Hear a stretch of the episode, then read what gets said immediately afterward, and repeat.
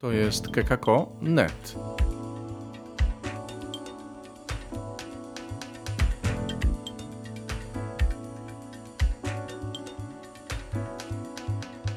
Dzień dobry, Chrystus zmartwychwstał. E, Ze studia Kekakonet e, pod Londynem w Gravesend wita Państwa Przemysław Krawczak oraz ze studia w Radzicu Nowym.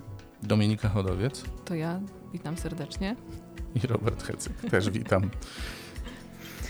E, Dzisiaj, proszę Państwa, zamieniliśmy się rolami. E, Zostałem dzisiaj gospodarzem programu, ponieważ zwykle to e, Robert prowadzi audycję, a dzisiaj, ze względu na temat, którym się zajmiemy, to ja będę szanownych Państwa w studiu w Radzicu przepytywał. Dlatego, że dzisiejszym, dzisiejszym tematem, którym chcemy się zająć, jest dziewictwo dla Królestwa Niebieskiego, czyli ślub czystości. Tak, można to powiedzieć? Można tak powiedzieć. Jakie to Czystość, są? ubóstwo Trzy i śluby? uległość. Czystość, ubóstwo i uległość. I dzisiaj zajmiemy się jednym z nich, czyli czystością. Ja od razu na, na dzień dobry powiem, bo to tak e, w ramach przygotowania do tego tematu. Jest taka rzecz, która mi się nie podoba e, w tym określeniu czystość, bo ona dla mnie jako małżonka sugeruje, że e, ci, którzy żyją w celibacie, to są ci czyści, a ci, którzy żyją w małżeństwie, no to tak oczywiście to się wprost nie mówi, ale tak by wynikało z tego, to są ci nieczyści. I to od razu wprowadza taki podział na lepszych i gorszych. No w No i mi zasadzie się nas. podoba, bo ja jestem, bo ja jestem z tych gorszych. Jak to jest? No w zasadzie u nas się mówi życie w dziewictwie dla Królestwa Niebieskiego. Czyli bardziej zakłada to, że żyjemy dla Pana w dziewictwie. Mm, Nie to, że nie mówi się, że w czystości czy nieczystości. Czystość Mhm. jest ogólnie takim trochę technicznym terminem, Mm. wiesz, który wskazuje na mm, i wstrzemięźliwość y, od y, współżycia, czy też nie zakładanie rodziny. No, taką jednoznaczną przynależność do Pana, ale rozumiem, że rodziny też w sposób jednoznaczny do Pana przynależą. Ja myślę, że to jest trochę takie pokoleniowa zaszłość, wiesz, historyczna. Okej. E, Umówiliśmy się, że to ja poprowadzę ten temat, bo łatwiej mi jest e, zadawać e, pytania na temat celibatu niejako, znaczy nie niejako, po prostu z zewnątrz. Patrzę na to jako obserwator, nie jako uczestnik. Dla kogo jest celibat? Celibat jest dla księży. Celibat jest dla księży i jest to prawo, które zakłada, że osoba, która chce przyjąć, czyli mężczyzna, który chce przyjąć e, święcenia kapłańskie, powinien żyć w bezrzędności. I w tym sensie celibat nie jest czymś, czym my żyjemy na co dzień, bo my oprócz tego, że owszem księża żyją w celibacie, bo taki jest przepis prawa, to każdy z nas, e, z braci i sióstr konsekrowanych w koinonii Jan Chrzciciel, wybiera w sposób dobrowolny życie radami ewangelicznymi, w tym również czystość czy dziewictwo, jak Dominika słusznie powiedziała. I przyjmujemy to ra- raczej jako dar, jako charyzmat, bardziej niż jako prawo, czyli bezżeństwo dla królestwa. Czyli jeżeli dobrze rozumiem, e, to e, wy nie żyjecie w celibacie. No ty, Robert, akurat tak, e, oprócz tego, ale to Wiesz, nie można jest się sprzeczać o, o słowa, ale wyjaśniam, wyjaśniam sposobu, różnicę. jaki żyjecie. Tak, wyjaśniam Ci różnicę. Natomiast wiesz, celibatariuszami, mówimy potocznie, że jesteśmy celibatariuszami, ale lepiej mówić, że żyjemy w dziewictwie dla Królestwa Niebieskiego. Choć nie dla wszystkich uszu na pewno No to jeżeli- słowo dziewictwo brzmi dobrze, dlatego niektórym łatwiej jest powiedzieć, że żyjemy w celibacie niż w dziewictwie dla Królestwa Niebieskiego. Aczkolwiek taka jest prawda.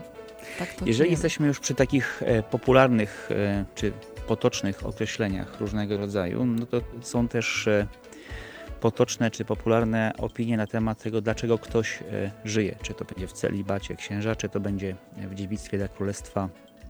Wszyscy, którzy się na to zdecydowali. No i często, często taka opinia, która panuje, no to są ci, co tak sobie życia nie ułożyli, sobie tam chłopaka, dziewczyny nie znaleźli, no tak nie bardzo mieli pomysł na życie, to poszli do zakonu. To jak to właściwie jest? Dla kogo jest życie w dziewictwie? No, oczywiście, dla tych, których wybrał Pan. Łatwo tak powiedzieć, ale no, dla tych, którzy są powołani do tego, którzy odkryli to powołanie w swoim sercu, no bo tak naprawdę każdy z nas idzie drogą, jakby naturalną drogą, którą idziemy, jest droga do małżeństwa. I to jest normalne, naturalne i każdy z nas, ja także zawsze myślałam o tym, że będę miała męża, będę miała dzieci, że założę rodzinę. A to Bóg jest tym, który inter interweniuje w pewnym momencie w naszym życiu i pokazuje drugą drogę. I na przykład no, u mnie było tak, że ja sobie nigdy nie wyobrażałam tego, że mogę żyć jak jakaś zakonnica, czy po prostu żyć bez męża. To było jakby oczywiste, że, że rodzina i, i, i to jest moje powołanie i moja droga. Ale jednak w pewnym momencie Pan dotknął mojego serca na tyle mocno swoją miłością, otworzył moje oczy na to, że, że mogę jednak żyć dla Niego, żyć i być szczęśliwą w tym życiu, w, w takiej wyłączności po prostu. Dla Niego, dla Jego miłości, Jego miłości. Dominika, dotykasz bardzo istotnej rzeczy, czyli tego e, no właśnie, rozpoznanie powołania. To jest w ogóle temat rzeka, to jest mm. Temat na, nie, na jedną, ale na całą serię audycji. Pewnie, bo każdy Ale ty mówisz, że Pan dotknął Twojego serca. To jednak jest takie dość abstrakcyjne. Znaczy to pięknie brzmi, mhm. ale tak konkretnie jak to rozpoznać? Ja, ja pytam dlatego, że znam mhm. też wiele osób, które e, w, żyją w rozdarciu pomiędzy małżeństwem a celibatem, czy właśnie dziewictwem dla królestwa przez, y, przez nie tylko że lata, ale całe życie swoje. I mhm. wciąż nie wiedzą, e, kim mają być, czekają na jakieś znaki z nieba na jakieś e, właśnie, na co czekają. To jest i, i mówi, że Pan dotknął Twojego serca. Co mhm. się stało, że Ty wiedziałaś, że dążąc w naturalny sposób do małżeństwa, w pewnej chwili zatrzymałaś się i obrałaś zupełnie inny kierunek? Pytanie do, do Ciebie, Dominika, i również do Ciebie, Robert, bo to każdy mhm. to inaczej e, będzie no mm, opowiadał i rozpoznawał. Że tak, bo do każdego Bóg podchodzi w sposób indywidualny, więc jakby On zna nasze serca, On zna to, co jest w nas. I tak jak mówiłam, no ja zawsze myślałam o małżeństwie i nawet kiedyś właśnie miałam taką modlitwę, mówię, Panie Jezu, ja już y, mam dosyć różnych tam błędów w życiu, inwestowania uczuć w niewłaściwe osoby. Wystarczysz mi tych zranień, które mam i daję Ci rok. Rok, proszę Cię, no to jest dużo, 12 miesięcy. Postaw na mojej drodze tego odpowiedniego, tego wymarzonego, wiesz jaki ma być, taki, taki, taki, przystojny i w ogóle. I przez 12 miesięcy na pewno uda Ci się to załatwić, przecież możesz wszystko. No i tak sobie cała zadowolona skończyłam tą modlitwę i taka jeszcze przeszedł mi taki flash. Hmm. No chyba, że chcesz powołać mnie do innego życia, chociaż ja wiem, że to jest niemożliwe i ty wiesz, że to jest niemożliwe, więc to raczej wątpliwe. No ale gdyby ci przyszło coś takiego do głowy, to to naprawdę musiałbyś mnie do tego uzdolnić. Musiałbyś mnie uzdolnić, bo ja nie jestem w stanie tak żyć. Y, żyć inaczej niż w małżeństwie. No i wyobraź sobie, jaki Bóg ma poczucie humoru, bo od tej modlitwy minęły trzy miesiące i pojechałam na Triduum Paschalne zorganizowane przez naszą wspólnotę tutaj przez mówiąc, mówiąc po ludzku Wielki Czwartek, Piątek, tak, Sobota, ogólnie Wielkanoc z przeległościami. O właśnie, właśnie. I tam w Wielki Czwartek był taki jeden moment, w którym usłyszałam w moim sercu, czy możesz oddać mi wszystko. I po prostu ja wiedziałam, że wszystko, że ja mogę i chcę oddać wszystko Jezusowi. I wtedy jakby no, zrozumiałam, było dla mnie jasne, że wszystko to znaczy też moje plany i pragnienia, czyli y, mogę mu oddać też y, całe moje życie. Ja powiedziałam mu tak, no nie? I wtedy poczułam się taka wolna, poczułam się bardzo, bardzo szczęśliwa i zrozumiałam, że mogę oddać mu też całe życie, czyli żyć dla niego w dziewictwie, dla, y, dla jego królestwa. I jakby już wtedy w sercu po raz pierwszy miałam tą decyzję, no nie? Oddania Jezusowi wszystkiego. Jasne, to później. Czyli nie robiłaś takiej listy za, przeciw, nie, nie, e, za małżeństwem, za, nie, e, za dziewictwem. Nie, to, to, to nie prostu... ja, ale wiem, że są tacy, co tak robili. ale jasne, wiesz, później przychodziły jakieś tam wątpliwości i wtedy mm, też i czytałam Słowo Boże, no nie, i dotykały mnie te fragmenty, które właśnie mówiły. Mm, jak na przykład z księgi Izajasza, no nie, że małżonkiem twoim jest twój stworzyciel, któremu na imię Pan Zastępów, czyli później jakby z czasem też e, podczas kolejnych miesięcy, no bo miałam jeszcze do skończenia studia, więc miałam jeszcze trochę czasu od, od, na taką już trzeźwą decyzję. Cały czas się modliłam i rozważałam to mocno w moim sercu. Też zaczęłam przyjeżdżać do oazy, do tego domu tutaj w Nowym Radzicu. I za każdym razem, z każdym przyjazdem utwierdzałam się, że to jest moja droga, bo za każdym przyjazdem czułam się coraz bardziej szczęśliwa i że to jest moje miejsce. I każdy wyjazd stąd to był coraz trudniejszy, więc taki naturalny też sposób. Słuchając swojego serca, Mhm. zobaczyłam, że to jest moja droga. Przepraszam, zupełnie nie na temat powiem Mhm. w tej chwili e, jedną tylko rzecz i taką informację dla naszych słuchaczy. Wszelkie odgłosy, które słyszycie w tle są odgłosami naturalnymi, nienakładanymi, e, dlatego że studio pod Londynem jest studiem terenowym w ogrodzie, dlatego to wszystko, co słyszycie, to się naprawdę dzieje. Tak, w czasie rzeczywistym. To ja się dorzucę do tego, co Dominika powiedziała, bo Właśnie, chciałem zapytać Ciebie, Robert, bo to męski punkt widzenia jest y, często inny niż, e, niż to, jak rozpoznają wiesz, bo męski punkt widzenia nie obejmuje. kobiety, em, nasze siostry. Nie, nie. Męski punkt widzenia przede wszystkim nie obejmuje takiej relacji oblubieńczej. Ja przynajmniej nie mam takiej relacji z Jezusem. Jeżeli chodzi o śluby, o zobowiązania, jak my to nazywamy, ponieważ nie jesteśmy zakonnikami, to dla mnie to nie ma charakteru oblubieńczego. To jest charakter oddania, wyłączności, tak. No ale mm, początki były takie, że ja po prostu poczułem się bardzo kochany, że, że bardzo, bardzo dużo dostałem od Pana Jezusa, że przyjaciół, jakieś tam talenty, mimo wszystko zdrowie, bo fakt, że nie widzę, to jeszcze nie jest koniec świata. I naprawdę czułem się kochany, a to jeszcze trzeba zaznaczyć, że słyszę Ewangelię o tym, że Bóg mnie kocha. Ktoś mi głosi ten tak zwany kerygmat, czyli te podstawowe mm, prawdy wiary, wśród których pierwszą jest, że Bóg Ciebie kocha, a kocha Cię osobiście i odwiecznie, i bezwarunkowo, czyli choćby nie wiem co i że jego miłość jest większa od twojego grzechu. Ja, I wiesz, i jak ja sobie z tego zdałem sprawę wszystkiego, no to tak, oczywiście odpowiedzią była i, i jeszcze zbawienie w Jezusie, który oddał za mnie swoje życie, no to oczywiście odpowiedzią była, był gest wiary, zaufania i nawrócenie, ale zastanawiałem się, jak konkretnie, tak życiowo, żeby to nie zostało tylko gdzieś w uczuciach, w myślach, w jakichś tam takich postanowieniach, tylko jak życiowo egzystencjalnie można by Bogu na coś takiego odpowiedzieć, skoro Jego miłość w konkretach się wyrażała, wyraziła i, i, i ja otrzymałem od Niego naprawdę dużo takich, w takich konkretach życiowych. I wtedy sobie pomyślałem, no co tu oddać Bogu z wdzięczności, skoro wszystko od Niego pochodzi, więc albo wszystko, albo nic. I ja się powtarzam z tym moim świadectwem i pewnie już w niejednej audycji, nagraniu, gdzieś tam w książce jakiejś, którą ktoś pisał z tymi świadectwami, też o tym mówiłem, ale ja to będę powtarzał do śmierci. Po prostu wiedziałem, że jeśli mam coś Bogu oddać, to to może być tylko wszystko, bo tylko wszystko jest e, godne Boga, choć to i tak nic w porównaniu z tym, kim On jest. I wiesz, wiedziałem, że nie mogę teoretycznie zostać księdzem nie widząc. To były jeszcze takie czasy, obowiązywał poprzedni kodeks prawa kanonicznego. Ale mówię, Panie, jeśli to jest Twoje powołanie, to Ty będziesz wiedział, co z tym zrobić. I dla mnie nie było najistotniejsze, to też chciałbym podkreślić, żeby zostać księdzem. Tylko zostanie księdzem dla mnie było najbardziej dostępną możliwością oddania życia Jezusowi i rozszerzenia tego mojego doświadczenia na innych, to znaczy podzielenia się z innymi tym, co mnie uszczęśliwiło.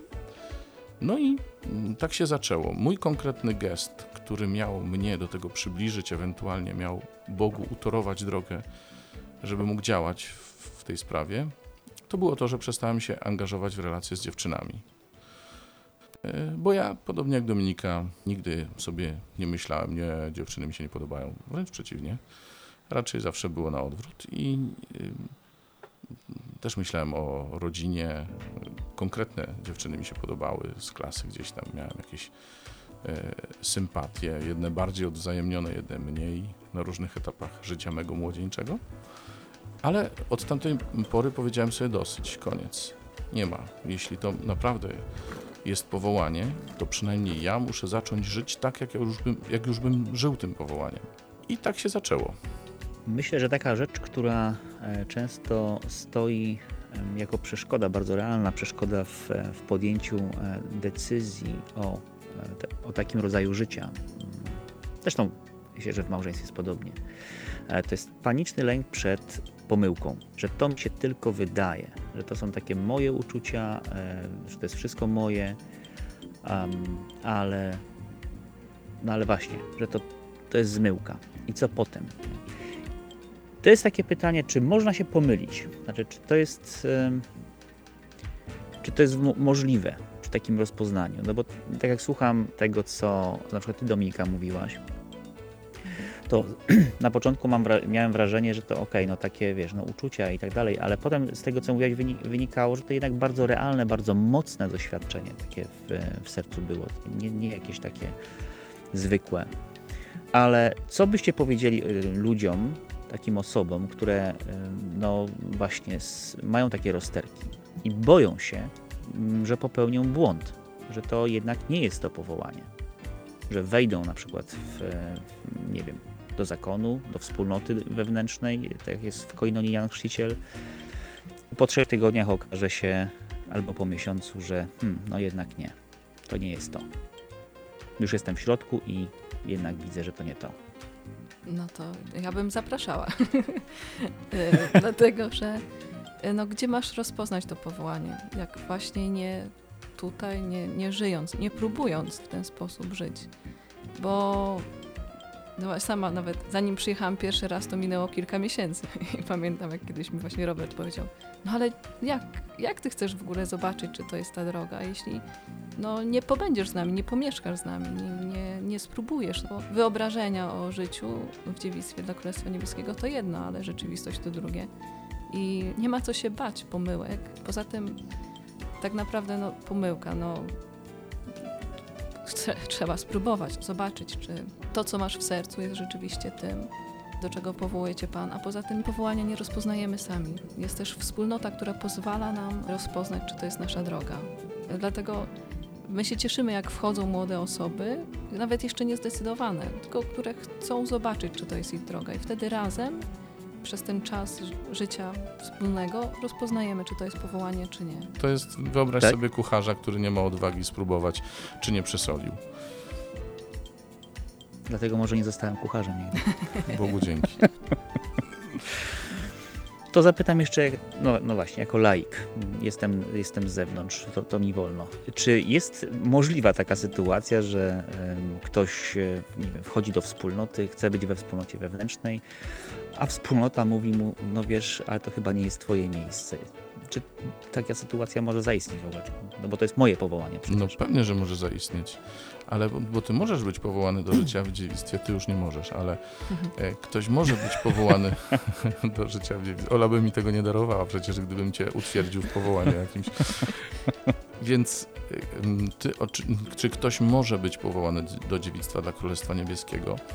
Ale być może e, okoliczności wypełnienia tego powołania będą zupełnie inne.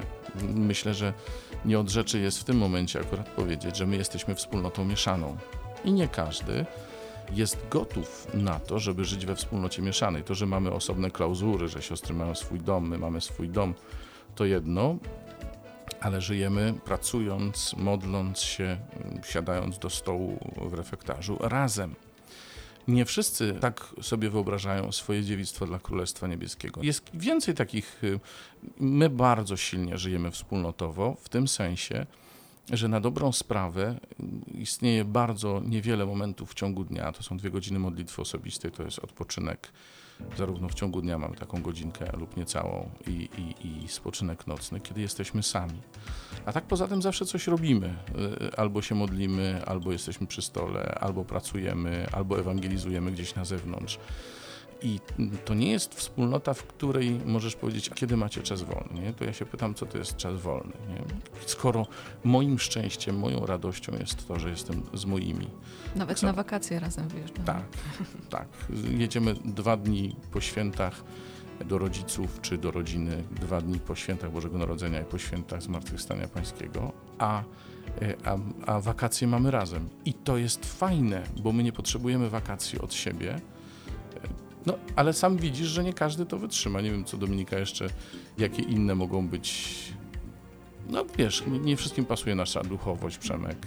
Nie wszystkim pasuje sposób naszej modlitwy.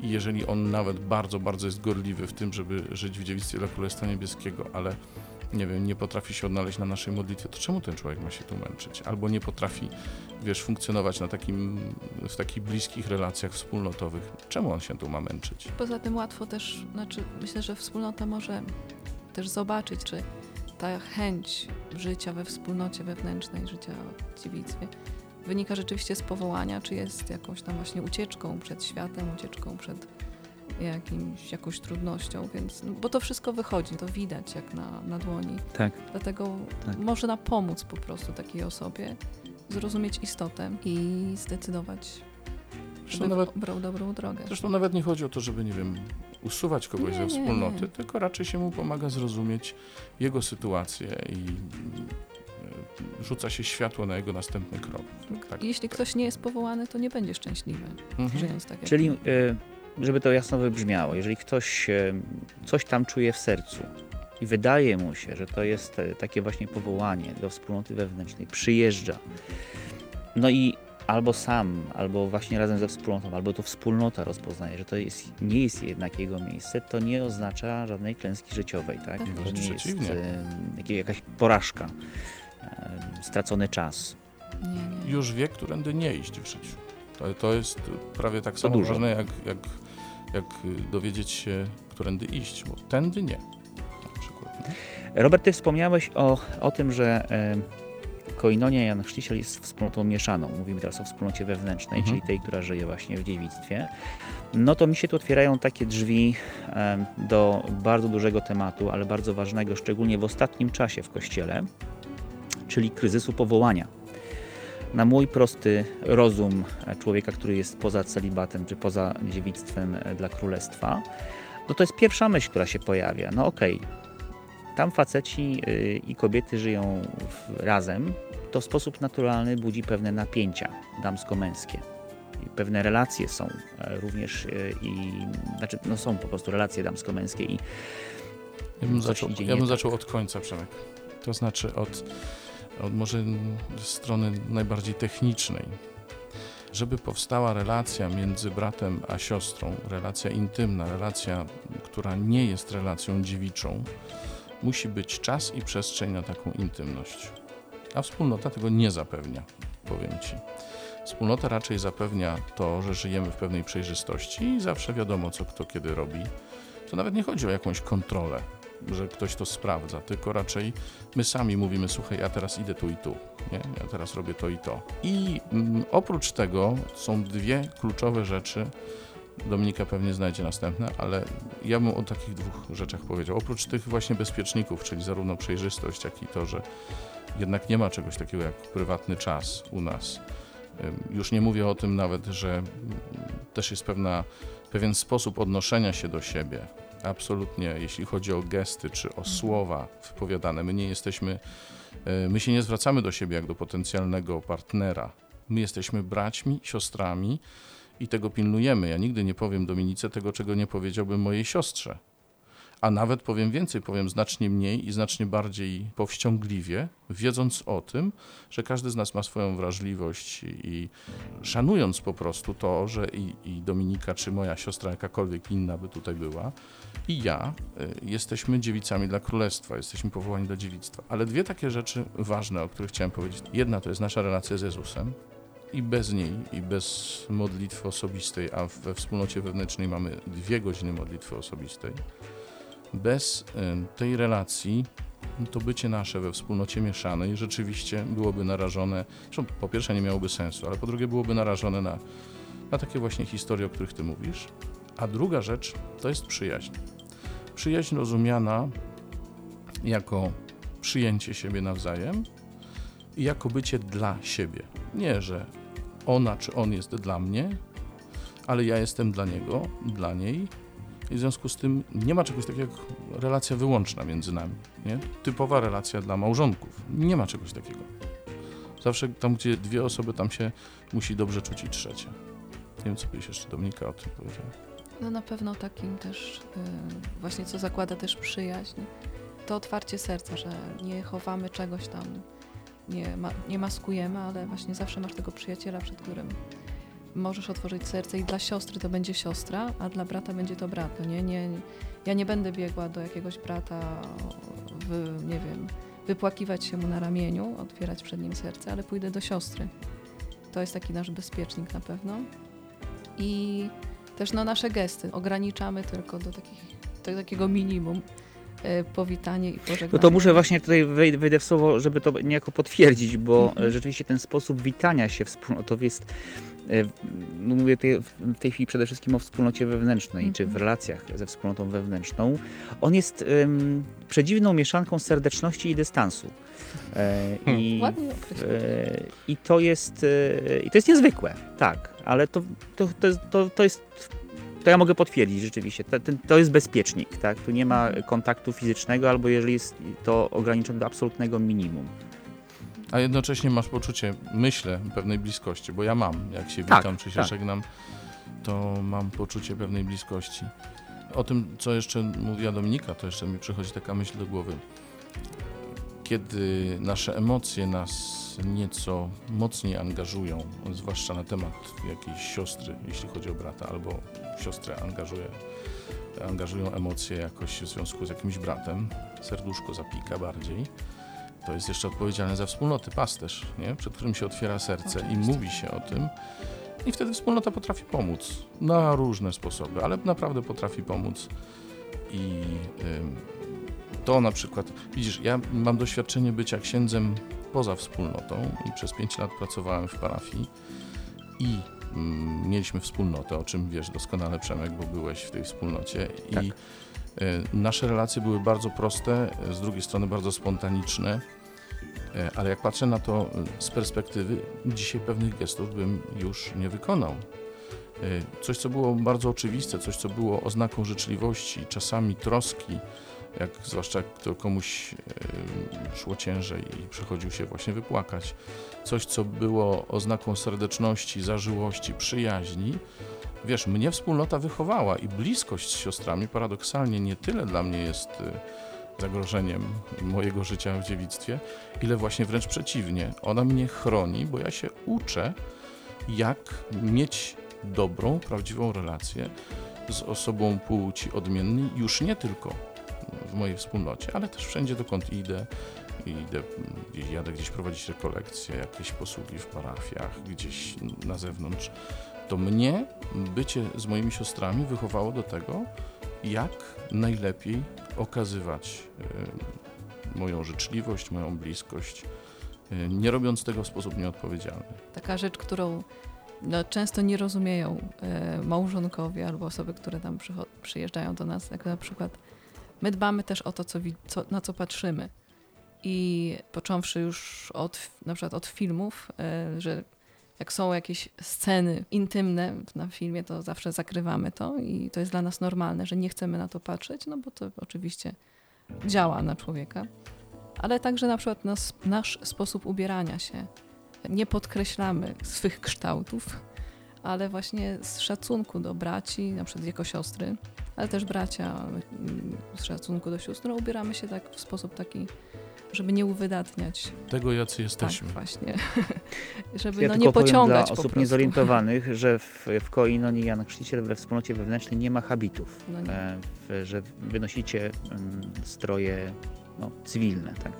Ale wiesz co mi się, no ja tak ostatnio sobie uświadomiłem, że naszym habitem jest bycie wspólnotą, bo to, że siostry się ubierają w określony sposób, że bracia się też ubierają w określony sposób, chociaż może nie jest to tak oczywiste jak u sióstr, no ale jak się siostr, sióstr kilka pojawi gdzieś, przykład, kiedyś byliśmy w Szczecinie u przyjaciół i mm, taka grupka chłopaków siedzi pod blokiem, wychodzimy z tego bloku, idą siostry nasze, i słyszymy za sobą okrzyk naprawdę pełen zdumienia. One są wszystkie takie same. To znaczy, widać po prostu, że bycie wspólnotą ma również wpływ na pewien sposób i ubierania się, i zachowywania się. Siostry nie noszą biżuterii, nie malują się. Spódnice długie, Ale jest rzeczywiście coś charakterystycznego dłuższe, w wyglądzie tak. sióstr, y, y, sióstr w Koinonii. y, No, mają pewien oryginalny, niepowtarzalny. Znaczy, spódnice mają znacznie dłuższe niż włosy na tak. przykład. Tak. Słuchajcie, bo też wspomnieliście o, o, o tym, że właściwie nie ma czegoś takiego jak czas wolny. To ja chciałem zapytać w takim razie o relację między tym czasem modlitwy a czasem działania, bo to wiele osób myśli o życiu w dziewictwie dla królestwa jako pewnej formie poświęcenia się Panu modlitwie, kontemplacji. e, Jak to jest w koinonii Jan Chrzciciel? Ta relacja między działaniem a kontemplacją, modlitwą. Ile czego jest i jak to na siebie wpływa? No ja zawsze myślę, że czasu na pracę jest za mało. Na Czekałem na to trochę. Ale no tak chyba się rozkłada mniej więcej. Znaczy, proporcja jak proporcja. No. Najważniejsze jest to, żeby czas przewidziany na modlitwę nigdy nie został zabrany e, przez e, pracę. Ile, Jak- ile no, godzin w, w, w ciągu dnia e, modli się e, No prawie 4 godziny mamy modlitwy. Prawie 4, 2 godziny modlitwy osobistej i dwie godziny, mm, może niespełna, dwie godziny różnych form modlitwy wspólnotowej. E, No, jeszcze liturgicznej, dojdzie- z- e, charyzmatycznej i tak dalej, i tak Jeśli dalej. jeszcze dojdzie do wstawiennicza, to czasami jest jeszcze więcej niż Tak. Tak, czasami, czasami to bywa e, ponad 4 godziny, ale wiesz, to co, to co chciałem najbardziej zaakcentować, to jest to, że skoro ten czas mamy na modlitwę, a my jesteśmy jednak wspólnotą modlitwy, bo po to tak naprawdę oddajemy swoje życie Panu, żeby z Nim być w zażyłości i żeby być znakiem dla innych, my nie będziemy żadnym znakiem dla nikogo, jeżeli pracę przedłożymy e, nad modlitwę. U nas jeszcze jest jedna rzecz, oprócz pracy i modlitwy, jest nauka, studium które z kolei ma nas pociągać ku temu, co wysokie, a nie ku temu, co niskie. Kiedy rozpoczynaliśmy audycję, e, włączyłem specjalnie timer, żebyśmy pilnowali czasu, ale no, nie udało się. nie udało się, dlatego że no, mówicie bardzo ważne i, i, głębokie rzeczy o życiu wewnętrznym, e, wspólnotowym i myślę, że to warto tego wysłuchać. Mm, Natomiast chciałem na koniec e, zadać jedno pytanie, no żeby też ci, którzy słuchają, wynieśli z tego też pewien e, taki konkret dla siebie. Jeżeli jest w tej chwili ktoś, kto no, myśli o swoim powołaniu, nie jest pewien, stoi w takim właśnie rozkroku, napięciu, nie ma pewności i tak dalej. Co on ma zrobić? Aż tak, tak konkretnie. Do kogo ma się zgłosić? Czy ma się zgłaszać gdziekolwiek? Co ma zrobić taki młody człowiek, który myśli, że być może jego powołaniem jest e, życie w dziewictwie? Mówię teraz już Mhm. konkretnie o tych osobach, które mają relacje Mhm. z koinonią. Już teraz nie, nie, to, nie, to nie jest pytanie ogólne. Nie, To, to są dosyć proste rzeczy i ci, którzy mają jakiekolwiek relacje z nami, wiedzą dokąd mogą przyjechać. Najlepiej po prostu przyjechać do oazy, do którejkolwiek e, w tej chwili. Są już dwie, które działają w Polsce, więc w Błotnicy, Ale to tak się E, samemu przyjeżdża? pod Kołobrzegiem e, lub do Mhm. Nowego Radzica. Wiadomo, że się nie przyjeżdża tak po prostu. Trzeba zadzwonić. e, Albo mailem. albo mailem Umówić zapytać, termin. umówić termin, popatrzeć. Ktoś, kto ma relacje ze wspólnotą, na ogół ma też relacje z nami, a jeśli tak nie jest, to ma swoich koordynatorów, ma swoich y, animatorów domów modlitwy ewentualnie i oni wiedzą, jak pokierować.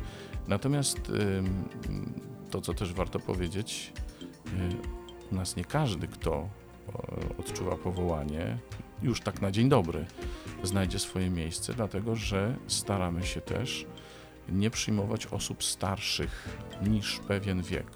Do pewnego momentu to było 30 lat maksimum. Trudno mi powiedzieć, jak to dzisiaj będzie wyglądało, bo dzisiaj coraz starsi przychodzą do wspólnoty, ale chodzi o to, że im ktoś jest starszy, tym trudniej mu się odnaleźć w takim życiu wspólnotowym, więc starsze osoby raczej y, mogą się nie zastanawiać, czy Pan je powołuje do życia wspólnoty wewnętrznej, koinonii Chrzciciel, czy nie. Y, Dla nich mamy inną propozycję. Dla nich mamy życie, tak zwane życie konsekrowane w świecie. Są osoby, które e, składają też pewne zobowiązania e, i podejmują życie rzeczywiście w bezżeństwie, ale poza wspólnotami. Dominika, Robert, bardzo Wam dziękuję za rozmowę. Dzięki. Temat e, dziewictwa dla królestwa otworzyliśmy, ale nie zamykamy, bo to, ten temat będzie wracał, myślę, w wielu odsłonach jeszcze w naszych e, kolejnych spotkaniach. Tym bardziej, że nie wyczerpaliśmy też i rad ewangelicznych, więc one jeszcze się pojawią. Absolutnie nie. Przed nami jeszcze ubóstwo i e, Uległość. posłuszeństwo, czy też jak, jak wolimy mówić uległość. Tak, i to też o tym sobie porozmawiamy. Czy posłuszeństwo to jest to samo co uległość, ale to nie dzisiaj. Dziękuję Wam e, serdecznie, dziękuję e, słuchaczom i do usłyszenia w następnym naszym podcaście. A postscriptum jest takie, że przypominam, że jesteśmy obecni w mediach społecznościowych, e, na Facebooku, na Instagramie, na Twitterze też powinniśmy być, a zawsze można do nas napisać redakcja małpa.kekako.net, bo chętnie będziemy słuchać Waszych głosów, e, zadawajcie pytania, będziemy odpowiadać e, zarówno mailem, jak i na antenie. No i koniecznie subskrybujcie nasz podcast przecież. Oczywiście. Do usłyszenia. Z Panem Bogiem. Do Z usłyszenia. Bogiem. Z Bogiem. Dzięki, że nas przyjęliście.